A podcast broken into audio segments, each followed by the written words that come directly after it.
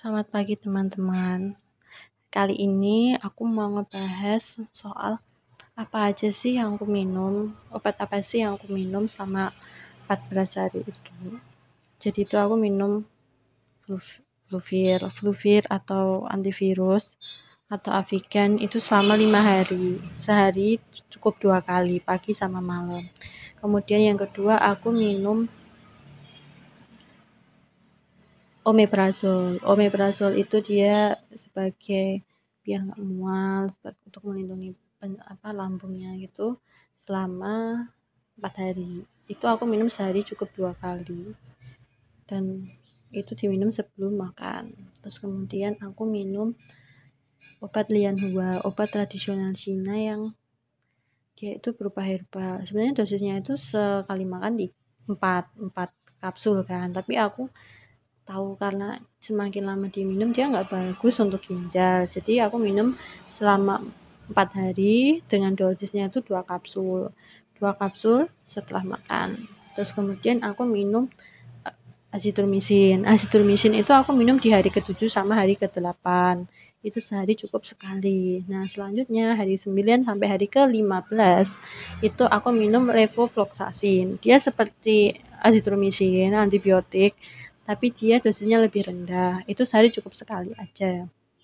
Aku minum dexamethasone dexamethasone itu dia sebagai anti radang ya kan? Anti radang biar enggak kadang kan kadang kan pasca ini kan ngasain radang gitu kan. Itu sehari cukup tiga kali. Sehari cukup tiga kali dexamethasone dengan kadar yang setengah miligram. Nah itu kalau minum dexamethasone sama levofloxacin dia nggak dia itu nggak bisa langsung asal berhenti. Jadi kenapa aku hari-hari 15 itu masih minum obat? Yaitu karena aku menurunkan dosis. Jadi dari dosis dexamethasone yang tiga kali sehari, aku turunkan jadi dua kali sehari sampai satu kali sehari.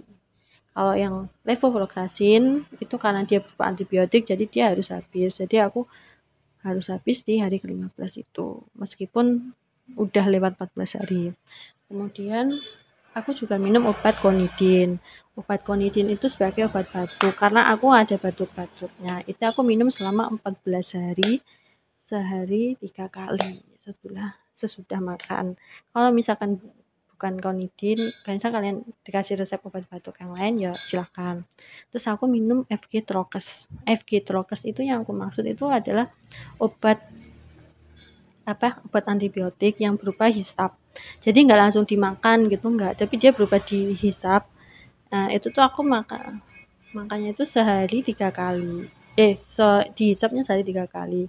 Itu aku tuh menghisapnya itu selama empat hari. Kenapa empat hari? Ya karena hari pertama itu kan aku ngasih rasa gatel banget kan tenggorokan.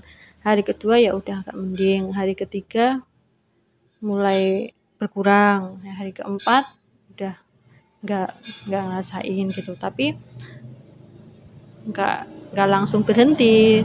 Karena si FG Trokes itu juga dia merupakan obat antibiotik juga kan. Jadi harus diturunkan dosisnya. Jadi hari kelima itu aku menurunkan dosisnya dengan sehari sekali. Jadi nggak langsung tiga kali enggak jadi sehari sekali. Habis itu udah selesai terus kemudian aku juga minum obat paracetamol. Paracetamol itu aku minum selama lima hari dengan dosis tiga kali sehari. Itu karena aku masih ada rasa pusingnya. Terus kemudian aku minum uh, ini tremenza tremenza itu obat pilek. Obat pilek dengan dosis sehari tiga kali sekali minum itu 10 mili. Ada takarannya juga. Nah kemudian aku juga minum obat vitamin A. Vitaminnya vitamin A itu aku vitamin A IB itu sehari cukup sekali. Kemudian vitamin B kompleks dan vitamin C 500 mg itu aku dapatkan dari Comfit C. Itu sehari cukup sekali. Vitamin D 3000 IU itu aku pakainya tuh yang dari situ muncul. Terus vitamin E yang 400 IU. Jadi vitamin vitamin A, B, C, D, E tadi itu cukup sehari sekali sesudah makan, bisa pagi ataupun siang. Efektifnya sih itu. Terus kalau sisanya sisanya itu kayak zinc zinc itu juga aku minum sehari sekali terus kemudian ada semacam minuman peningkat imun jadi kayak imbos ataupun stimuno itu aku sempat berganti sih dari imbos ke stimuno itu sehari cukup dua kali. Terus aku juga minum kapsul habatus sauda. Kapsul habatus sauda juga aku minum uh, jadi empat kapsul. Jadi aku pecah tuh misal pagi pagi dua siang satu malam satu gitu. Kayak dia untuk meningkatkan imun. Terus kemudian aku juga min juga minum susu bir brand karena di sini agak susah kan susu murni sebenarnya nggak harus susu bir brand sih bisa susu apa tuh susu ultramilk susu Grand ataupun susu merek Indomilk ya apa pun itu yang susu murni pasti dia juga mengandung uh, protein, vitamin, mineral yang ada di dalam kandungan susu murni. Bisa juga malah lebih bagusnya itu susu murni dari peternakan langsung. Kalau uh, di sini juga ada namanya susu murni nasional. Mungkin ada di beberapa daerah juga ada susu murni nasional. Atau bisa juga susu murni yang identik dengan peternakan di tempat kalian apa. Misalkan dijual, ya udah kalian bisa minta tolong ke saudara, keluarga ataupun ke teman buat beliin itu. Itu bagus banget, ya kan? Jadi nggak harus berpatok pada bir brand, oke? Okay? Itu cukup sehari sekali dan kemudian aku minum nih UC, UC 1000. UC 1000 itu aku minum juga sehari sekali. Sehari sekali. Kalau enggak ya aku minum redoxon. Pokoknya yang minuman yang tinggi vitamin C gitu kan atau lebih bagusnya lagi sebenarnya itu pakai jeruk nipis atau jeruk lemon yang kalian peres kan yang kalian peres terus kasih air hangat terus kemudian dikasih madu kemudian dikasih sedikit garam itu bagus banget nah terus kalau siang aku minum air kelapa muda yang dicampur dengan jeruk nipis kemudian dicampur dengan sedikit garam kemudian dicampur dengan sedikit madu itu juga bagus banget untuk menetralisir kuman-kuman virus-virus yang ada di dalam tubuh kita. Nah, kemudian aku dua hari sekali itu minum yogurt. Minum yogurt itu bagus banget juga, karena dia mengandung probiotik yang baik untuk melawan bakteri. Melawan, selain itu dia juga bagus untuk meningkatkan kekebalan tubuh. Dan jangan lupa kalau uh, kalau misalnya malam sebelum tidur itu aku minum wedang empon-empon yang terdiri dari jahe merah, temulawak, kunyit, serai, gula, kemudian cengkeh, secang gitu ya. Itu bagus banget. Itu bisa merek apa aja sih? Atau kalau lebih bagusnya lagi, misalkan di tempat kalian ada bahan-bahan tadi, bisa kalian racik sendiri, bisa kalian gerus sendiri, bisa kalian buat minuman itu sendiri gitu. Terus kalau makannya itu aku lebih bagusnya sih emang masak sendiri ya karena aku juga emang kebetulan suka masak jadi aku pesen sayuran bahan-bahan mak eh, ya bahan-bahan sayuran dan juga bahan-bahan lauk itu lewat platform belanja online gitu. Ada sih kalau di sini tuh namanya sayur geh atau kadang aku pesen lewat hypermart lewat grab gitu kan. Atau kalau misalkan emang nggak sempet masak aku pesen lewat ini GoFood ya tapi tetap itu makanan ditaruh di pagar karena aku nggak boleh kontak langsung kan dengan orang lain nah kemudian apa aja yang aku lakuin selain membersihkan kamar gitu kan selain nyuci gitu nyetrika segala macam ya aku tetap dengan mendengarkan tausiah tausiah mendengarkan informasi-informasi, menonton video-video yang bermanfaat gitu kan. Terus kadang juga aku nonton apa ya, satu hal yang humor gitu yang berupa humor yang emang bener-bener ningkatin imun yang bener nggak nggak buat aku stres gitu loh. Ya intinya tuh ngapain sih uh, lagi sakit kayak gitu malah dibikin stres malah dibikin happy. Kadang tuh ada orang yang bilang kamu tuh kalau lagi sakit tuh harus makannya banyak. Sebenarnya itu salah sih. Sebenarnya yang penting itu adalah kamu nggak boleh terlalu stres, kamu nggak boleh terlalu banyak pikiran, kamu harus happy, kamu harus banyak istirahat gitu. Bukan berarti terlalu banyak istirahat enggak. Tidur itu ya 6 sampai 8 jam. Kalau misalkan kalian sempat tidur siang tidur siang. Tapi itu tidur siangnya itu jangan lebih dari satu jam ya. Karena kalau lebih dari satu jam itu malah nggak bagus dan itu bikin pusing. Terus kemudian kalau misalnya nih kalian semalam nggak bisa tidur kalian paginya itu jangan tidur juga. Udah nggak bagus malah jadinya nggak segar. Jadi pagi itu upayakan kalian untuk berjemur. Itu jam berjemur itu bagusnya itu dari jam 8 sampai jam 10 terus kemudian kalian juga bisa memanfaatkan untuk uh, ini nih belajar belajar online gitu. entah itu belajar IT atau apa belajar memasak atau apa belajar make up itu aja kok. Jadi kalian nggak harus misalnya nih kayak sakit isoman terus kalian nggak ngapa-ngapain jangan atau kan bisa buat podcast kayak aku ini. Aku juga masih baru sih ngebuat podcast. Karena aku emang pengen nge-share. Aku udah janji dari dalam diri aku sendiri. Kalau aku tuh pengen nge-share informasi pengalaman terkait isoman selama 14 hari ini. Aku ngapain aja minum obat apa aja terus itu nah kayak pokoknya intinya itu jangan lupa untuk membersihkan kamar kalian tempat tidur sela-sela yang banyak debu itu setiap hari. Dan itu wajib. Terus ngepel juga harus wajib karena lingkungan kalian harus bersih. Kalian juga pasti ngerasa nggak nyaman kan kalau misalkan tinggal di lingkungan yang nggak bersih gitu. Jadi jangan malas ya. Terus kemudian itu apa ya kalian juga kalau bisa sebisa mungkin jangan uh, ngebaca ya jangan baca suatu berita yang yang gak enak gitu kan yang bisa membuat imun kalian turun gitu. Jangan dulu baca. Kalaupun baca udah baca sekian habis itu skip gitu. Baca sekian skip gitu. Kan jadi lebih meminimalisir lah meminimalisir kekhawatiran-kekhawatiran kalian. Karena pikiran positif akan berdampak pada kesehatan. Nah terus uh, alhamdulillah sih. Alhamdulillah aku udah berhasil melewati 14 hari itu. Dan ini ya ini udah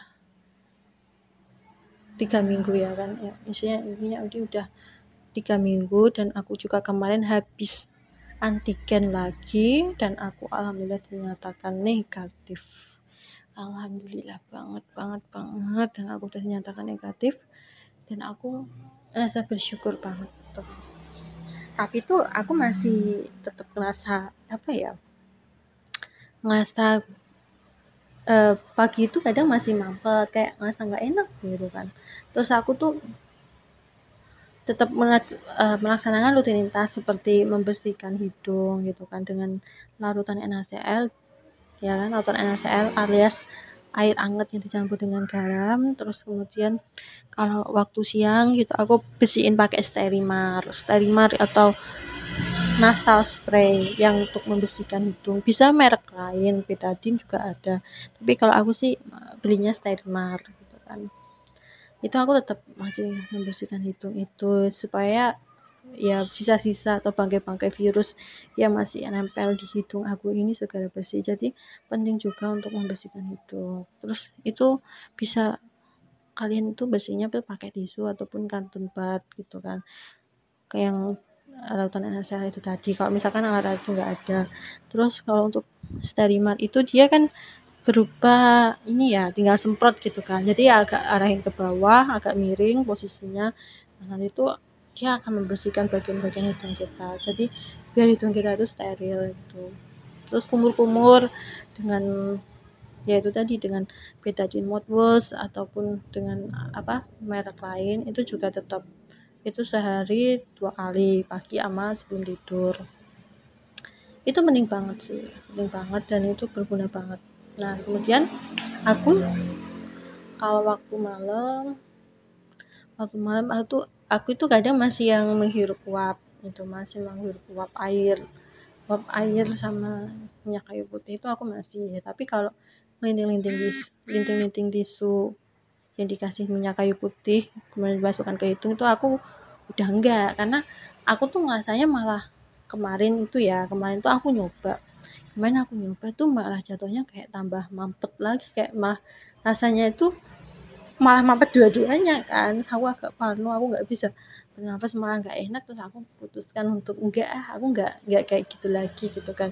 Mungkin bagus gitu kan untuk merangsang anosmia gitu. Jadi biar dari yang anosmia jadi nggak anosmia lagi gitu kan. Itu emang bagus. Tapi ketika aku udah sembuh aku malah jadi kayak kok malah rasanya jadi malah mampet gitu kan. Terus aku mutusin untuk enggak gitu kan. Terus akhirnya itu tadi itu aku nggak kayak gitu nggak linting-linting tisu nggak masuk. Nggak linting-linting tisu nggak dikasih minyak kayu putih gitu kan. Aku nggak nggak ngelakuin itu lagi karena aku takut kayak gitu lagi. Dan alhamdulillahnya sih nggak mampet lagi. Malahan tadi itu pagi itu aku nggak mampet hitungnya terus aku mikir kalau aku udah harus stop kayak gitu. Jadi aku tuh masih bersihin hidung terus masih yang cuci ya cuci hidung dan menghirup uap air panas sama minyak kayu putih itu tapi kalau untuk menit apa menghirup minyak kayu putih dan dengan si tisu dimasukin ke hidung aku enggak. Karena mungkin ibaratnya takutnya nih ya semakin lama tuh kayak hidungnya malah jadi semakin sensitif semakin dia rasa iritasi. Jadi aku lebih baik untuk tidak melanjutkan itu. Jadi dia emang jadi dia itu emang efektif waktu penyembuhan anosmia tapi tidak efektif ketika dilakukan pasca anosmia gitu. Terus kemudian pasca anosmia apa yang aku lakukan gitu kan? Aku ya pasca anosmia tetap kayak gini ya olahraga olahraga kecil-kecil ya karena aku masih uh, masih belum bisa untuk aktivitas yang berlebih karena aku masih yang gampang lelah masih yang gampang lapar gitu kan. Kemarin aku sempat ngedrop karena aku uh, apa ya sempat ngedrop karena aku telat makan gitu kan. Tapi itu ngedropnya itu pusing banget pusing banget gitu. Kayak darah rendah gitu kan. Salam dia sih tadi pagi itu udah nggak apa-apa. Karena aku ya tadi pagi coba untuk makan tepat waktu terus minum susu bir brand gitu kan. Alhamdulillah udah nggak apa-apa.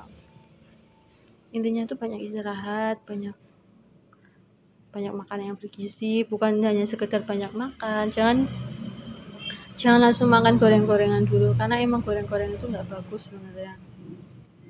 Terus aku juga masih belum berani untuk minum es. Ingat aku masih belum berani untuk minum es. Aku masih minum yang biasa aja gitu loh. Aku sempat minum yang air yang dengan kadar pH yang 8 kadar pH yang tinggi. Ya alhamdulillah sih bagus sih untuk kesehatan intinya itu tetap menjalani pola hidup yang sehat tetap dengan makan makanan yang sehat hindari dulu minuman eh, minuman yang kayak es es gitu hindari dulu.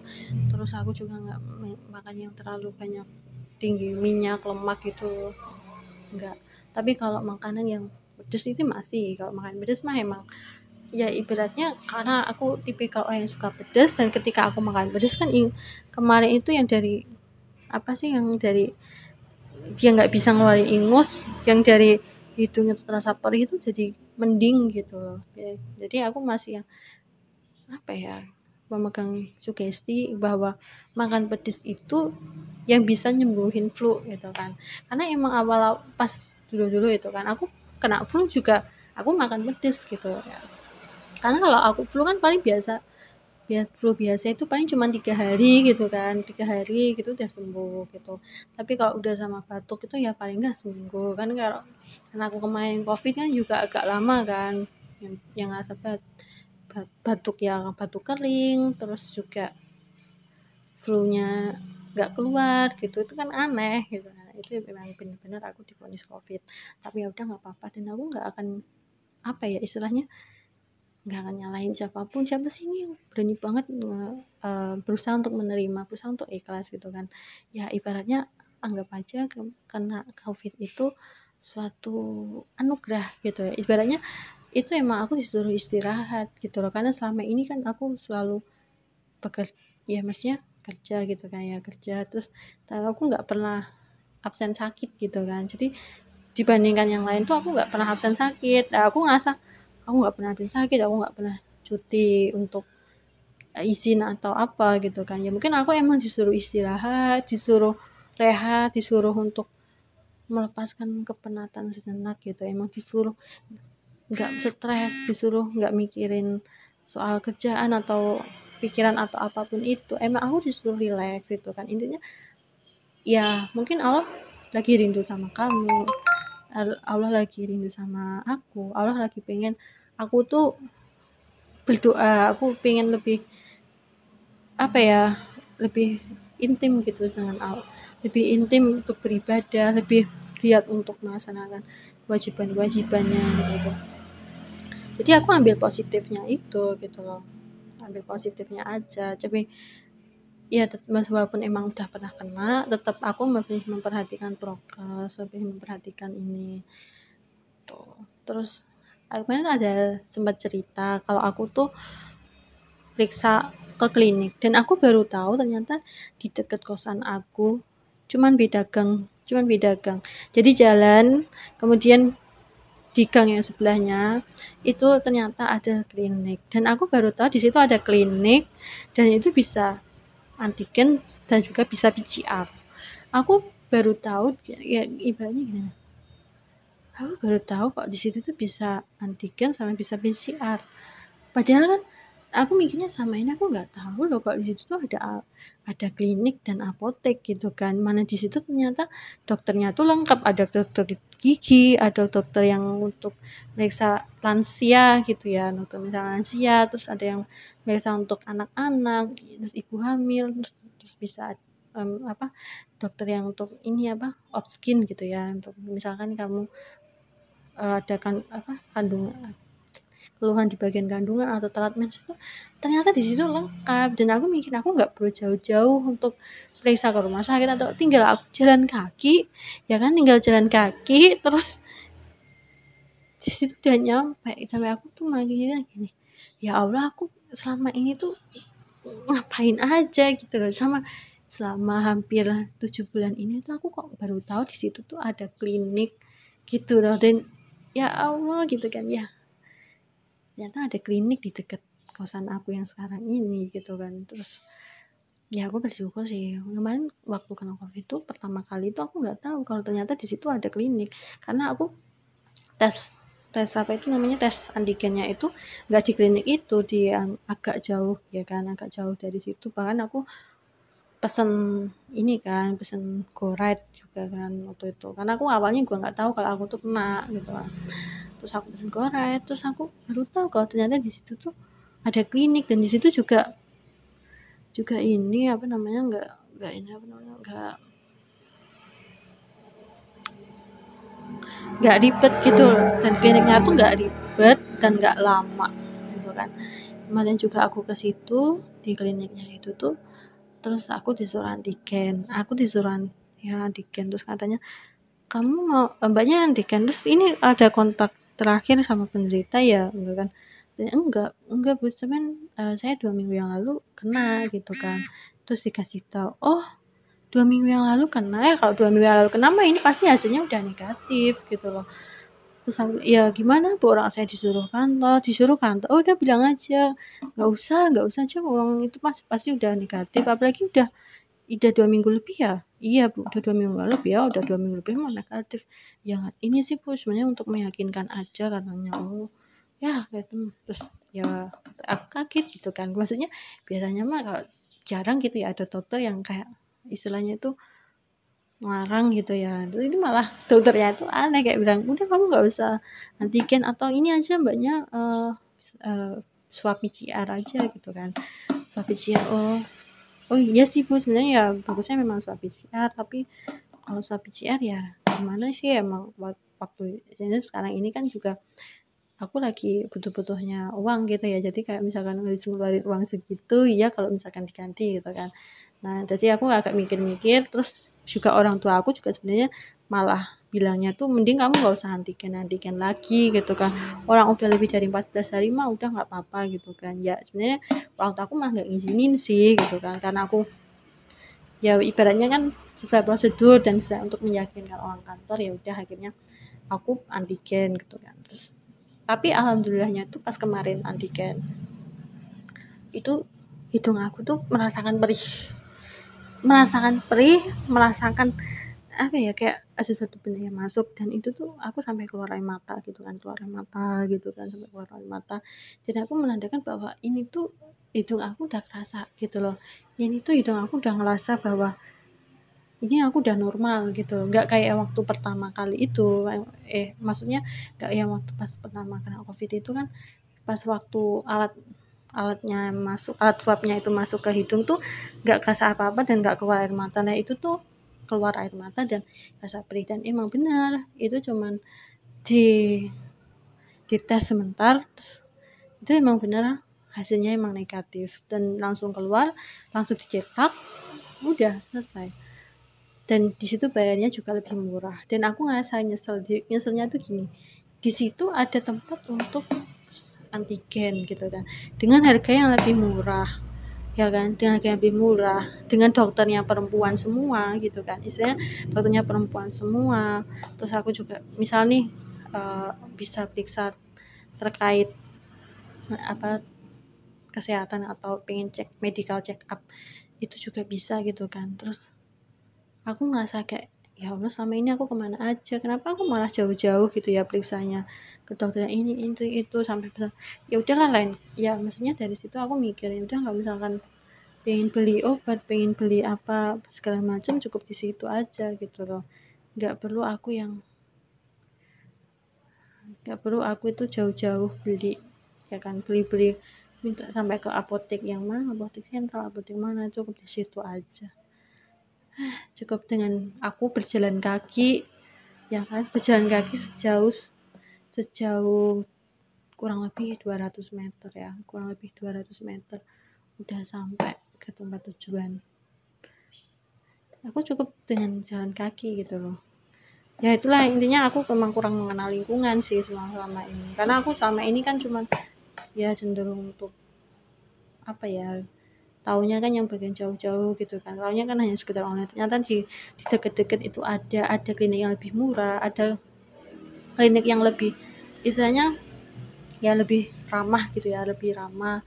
Terus dengan pelayanan dokternya secara muslimah gitu kan. Karena karena yang punya kliniknya juga orang ini kan. Maksudnya orang yang istilahnya orang yang yang men, uh, mengedepankan suatu agama gitu ya. Maksudnya dalam artian mengedepankan agama sebagai dasar untuk memberikan pelayanan kesehatan. Jadi aku di sini merasa bahwa ya itu memang bagus gitu loh pelayanannya bagus. Tapi emang mungkin akunya yang nggak update gitu soal lingkungan lingkungan sekitar. Jadi aku agak ngerasa nyesel gitu loh ngerasa nyeselnya gini kan. Lupa waktu pertama kali itu aku ngapain sampai jauh-jauh gitu sampai ke klinik yang jauh itu sampai aku yang harus nunggu mana itu antri gitu ya.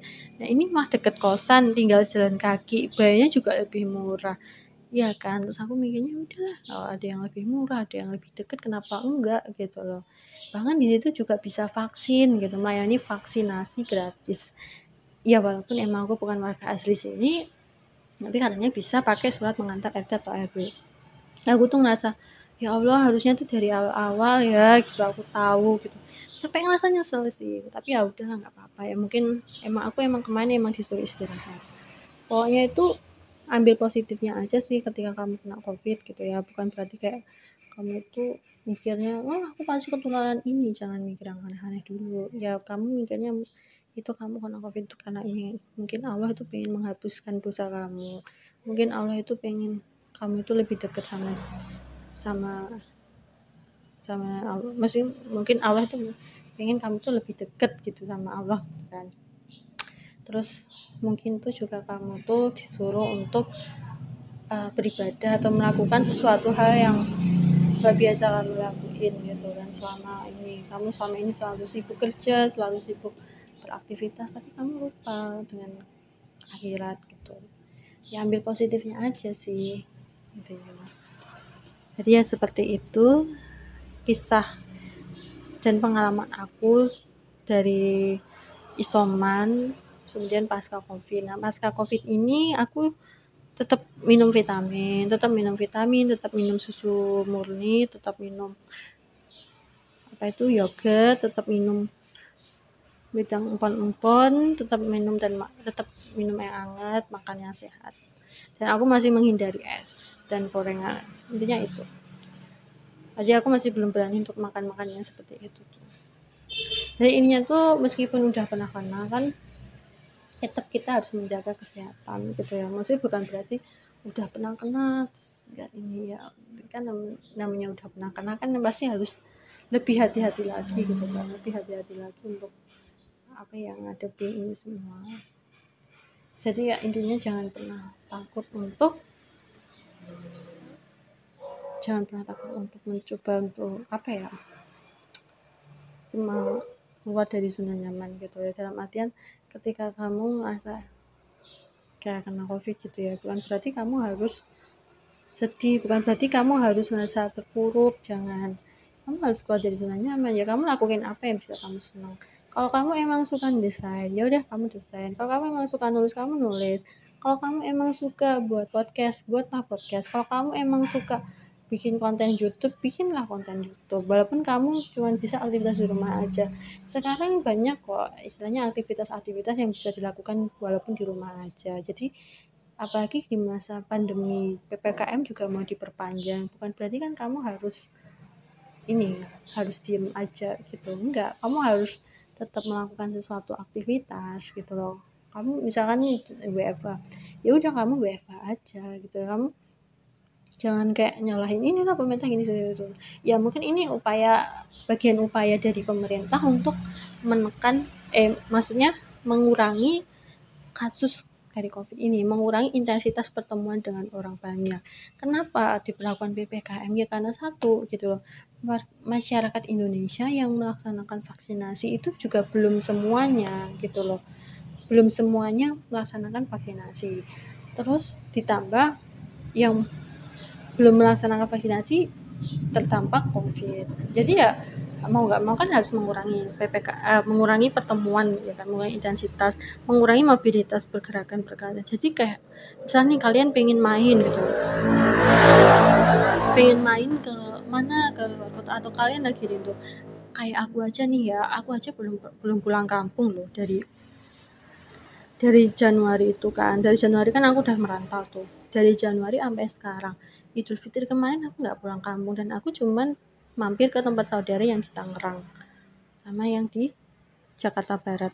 Udah aku nggak yang maksudnya itu kenapa aku nggak yang sampai jauh karena aku mikirnya gini aku nggak berani gitu loh sampai ke ke luar kota. Iya sih walaupun emang kemarin ke Tangerang ke Jakarta Barat. Tapi kan sebelum itu kan aku juga melaksanakan pemeriksaan diri gitu loh. Dan aku juga selalu minum vitamin gini-gini. Pokoknya biar gimana caranya aku nggak nggak nularin gitu. Eh, maksudnya nggak ngebawa virus atau apa. Jadi aku dengan melakukan pemeriksaan diri dengan apa meminum minum vitamin supaya aku fit supaya aku sehat baliknya ke sini pun juga sehat gitu loh. Jadi ya seperti itu gitu loh waktu lebaran kemarin tapi aku memang benar nggak pulang kampung. Aku juga benar-benar ngikutin prosedur dari pemerintah.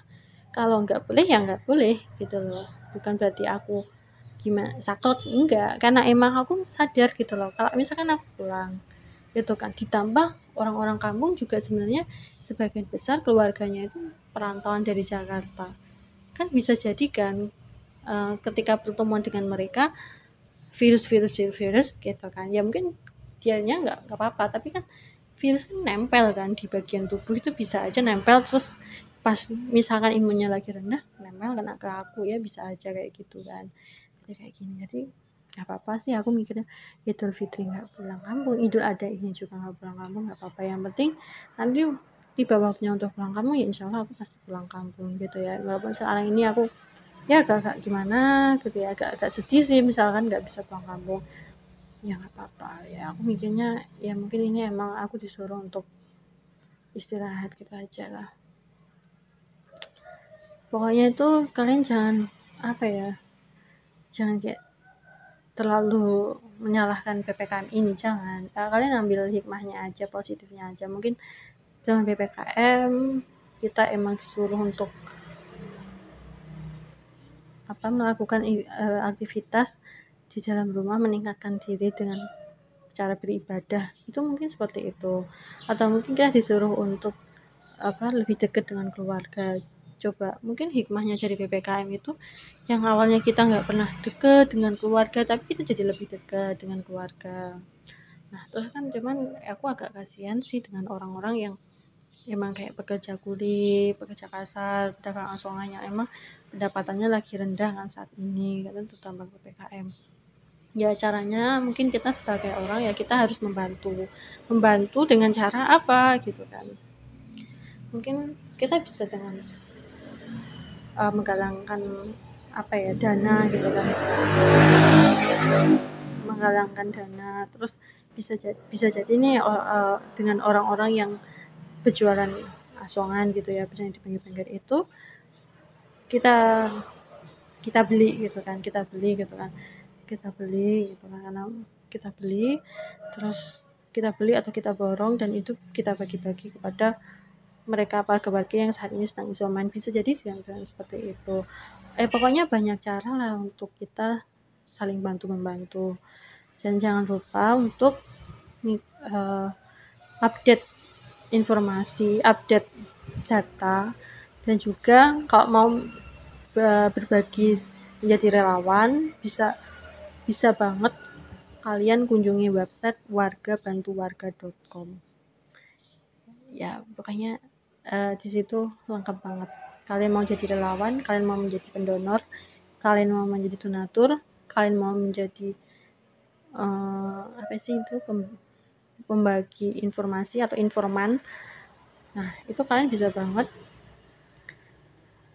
kunjungi situs wargabantuwarga.com nah itu. Dan jangan lupa untuk update di sosmed atau di website Kemenkes Satgas Covid terus di sosmed Pandemic Talks. Itu bagus banget. Pokoknya kalian sering-sering baca situs-situs atau di platform media sosial mengenai COVID-19 pokoknya intinya kalian jangan remehin itu penyakit. Kan yang bilang covid itu nggak ada. Padahal covid itu emang benar ada. Dan ingat covid itu beneran ada dan tampaknya itu nggak cuman uh, apa ya dampaknya itu kan bisa beda-beda ya. Bisa bisa jadi ketika di imun yang orang yang bagus dia cuman OTG dia cuman gejala ringan. Tapi kalau di orang yang mungkin saat itu imunnya lagi rendah atau mungkin dia punya komorbid ya kan komorbid itu penyakit penyerta dia bisa jadi berat. Bahkan sampai ada yang meninggal gitu gitu ya. Jadi ya bagi mereka yang nggak percaya covid itu sebenarnya salah kaprah covid itu emang beneran ada covid itu ada. Jadi kalian jangan pernah meremehkan covid. Kalian harus tetap menjaga progres mencuci tangan mencuci tangan dengan sabun memakai masker itu kan terus menjaga jarak itu nah penting banget. Meskipun kalian udah pernah kena jangan jangan mentang-mentang ah kan udah, udah pernah kena masa ini kena?